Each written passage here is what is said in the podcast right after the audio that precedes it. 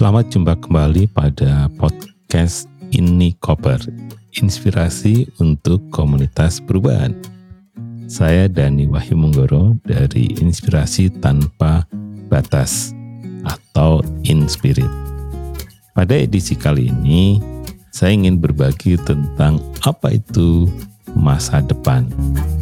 Seperti kita ketahui bahwa sebagai fasilitator, kita selalu diminta untuk membantu untuk merencanakan sesuatu di masa depan. Nah, masa depan itu bisa hanya enam bulan, satu tahun, ada juga yang membicarakan tiga tahun, lima tahun, bahkan sepuluh tahun atau lebih.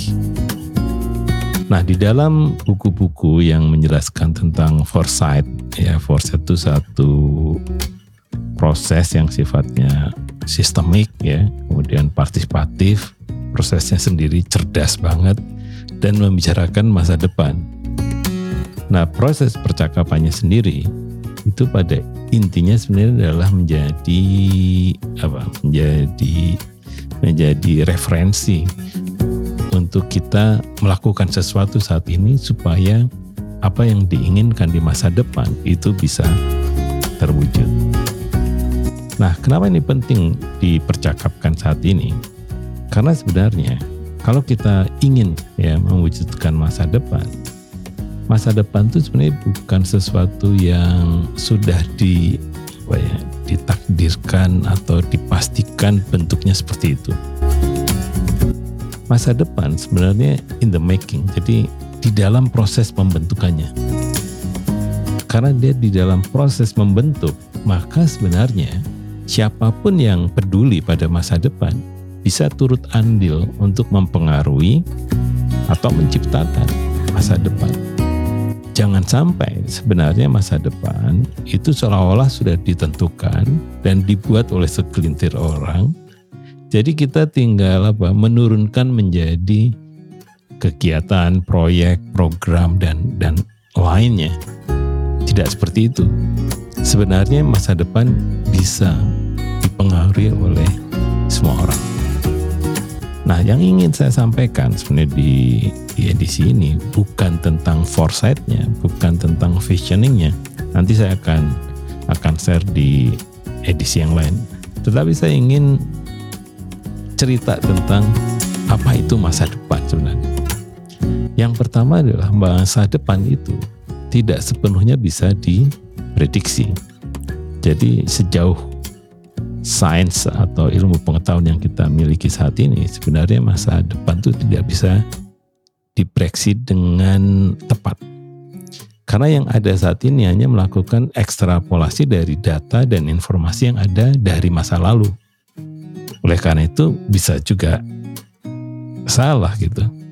Jadi kita hanya bertumpu atau bercermin dari masa lalu seperti apa, kemudian ditambahkan mungkin lebih cepat atau lebih lambat, yang kemudian itu menjadi sesuatu yang diprediksikan di masa depan. Nah yang kedua yang menarik, masa depan itu sifatnya plural atau majemuk. Jadi bukan tunggal ya. Karena spektrumnya memang lebar dan luas. Ada masa depan yang sangat mungkin terwujud, tapi juga banyak ya bayangan masa depan yang juga tidak terwujud karena dari pengalaman masa lalu banyak hal yang kita prediksikan akan bergerak tumbuh maju dan di, dipakai oleh orang banyak ternyata tidak tidak terpakai gitu bahkan apa banyak teknologi yang bagus sekali itu tidak terpakai karena tidak menjadi sesuatu yang digunakan oleh banyak orang. Nah, yang ketiga, tidak ada bukti atau fakta dari masa depan. Jadi sebenarnya masa depan itu imajiner ya. Jadi tidak ada bukti. Jadi masa depan yang menyatakan nanti di masa depan seperti tidak ada tidak ada datanya, nggak ada datanya dari dari apa dari masa depan. Jadi kita sebenarnya menciptakan masa depan dari perspektif dari pengalaman kita masing-masing. Karena itu sebenarnya membayangkan masa depan bisa dengan cara melakukan konfrontasi dengan keadaan keadaan sekarang yang tidak diinginkan. Oleh karena itu, kita seharusnya berbagi perspektif, berbagi referensi, dan juga berbagi imajinasi. Nah, yang keempat, gambaran masa depan itu kebanyakan kadang dianggap tidak masuk akal atau aneh-aneh.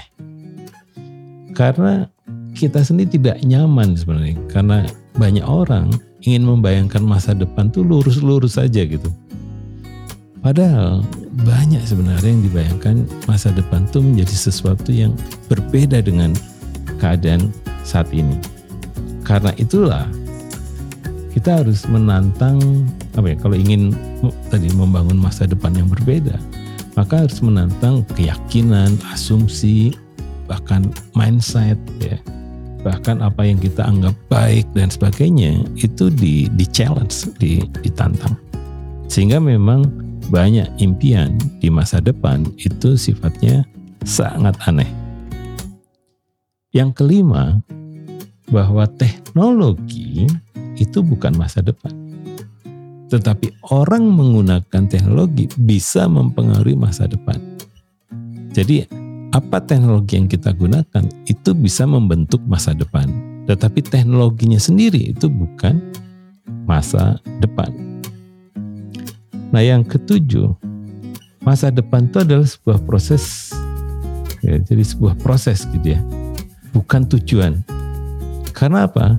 Ketika kita sampai pada si masa depan yang kita bayangkan, maka akan ada waktu 10 tahun lainnya yang menunggu di depan. Jadi masa depan itu tidak bisa end gitu ya. Dia hanya means, hanya proses gitu. Kalau kita bayangkan 2045 ada 2050, ada 2060. Terbayang ya. Jadi di sini yang ingin dijelaskan oleh beberapa penulis menyatakan bahwa masa depan itu sebenarnya adalah sebuah proses, bukan sebuah tujuan. Nah, yang ke kedelapan ya di sini dinyatakan bahwa sejarah membuktikan kecenderungan-kecenderungan yang ada selalu lebih cepat mati dibandingkan masa depannya itu. Ya ini bisa terbayang ya bahwa di dalam proses kita menggunakan teknologi saja itu banyak yang apa banyak sekali ya yang yang tren pada masa lalu. Misalnya dulu ada Nokia ada BlackBerry itu habis. Ya habis sama sekali padahal dulu populer sekali si apa si BlackBerry itu ya tiba-tiba hilang ya. Saya juga pakai menggunakan Palm One pada saat itu. Itu sebenarnya sama seperti handphone saat ini. Tapi juga yang teknologinya begitu maju pada saat itu itu juga sudah punah gitu. Jadi di sini yang yang menarik ya. Jadi sebenarnya jangan percaya pada apa pun yang sifatnya viral atau tren. Ya misalnya kita membayangkan Google, YouTube saya ini sangat dominan gitu. Tapi beberapa tahun kemudian bisa jadi itu sama sekali sudah ditinggalkan oleh orang ketika ditemukan hal-hal baru. Ya. Nah yang kesembilan, setiap masa depan yang terwujud pada saat yang sama itu ratusan masa depan yang dibayangkan itu tidak terwujud. Oleh karena itulah sebenarnya kalau kita melihat bahwa masa depan seperti itu, jadi yang kita rencanakan itu lebih banyak tidak terwujudnya daripada yang terwujud.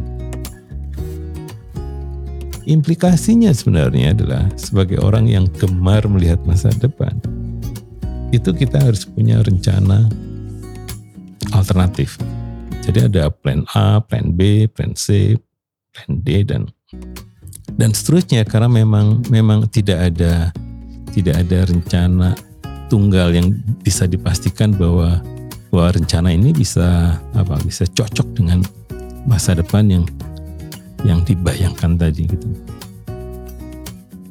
Nah, yang terakhir yang ke-10 sebenarnya ini yang sangat menarik yang paling buruk dari masa depan adalah kalau kita hidup di masa depan itu dengan menggunakan cara berpikir orang yang sebenarnya itu cara berpikir yang lama gitu. Jadi kita terperangkap pada pikiran-pikiran orang lama untuk membayangkan masa depan. Nah ini yang sebenarnya menurut saya sering juga terjadi. Jadi melihat masa depan dari cara berpikir yang kuno gitu, yang lama, yang sebenarnya sudah out of date. Jadi 10 hal ini kalau menurut saya menjadi pengetahuan ya, dan informasi buat kita tentang apa itu masa depan. Jadi itu saja sharing saya tentang apa itu masa depan. Nanti kita akan kupas metode-metodenya untuk kita bisa apa bergerak ya bergerak baik pada saat ini maupun pada masa depan tentang apa yang kita bisa lakukan supaya impian-impian itu bisa terwujud ini Koper percaya bahwa berbagi apa pun itu akan selalu bermanfaat bagi komunitas perubahan. Sampai jumpa pada edisi berikutnya.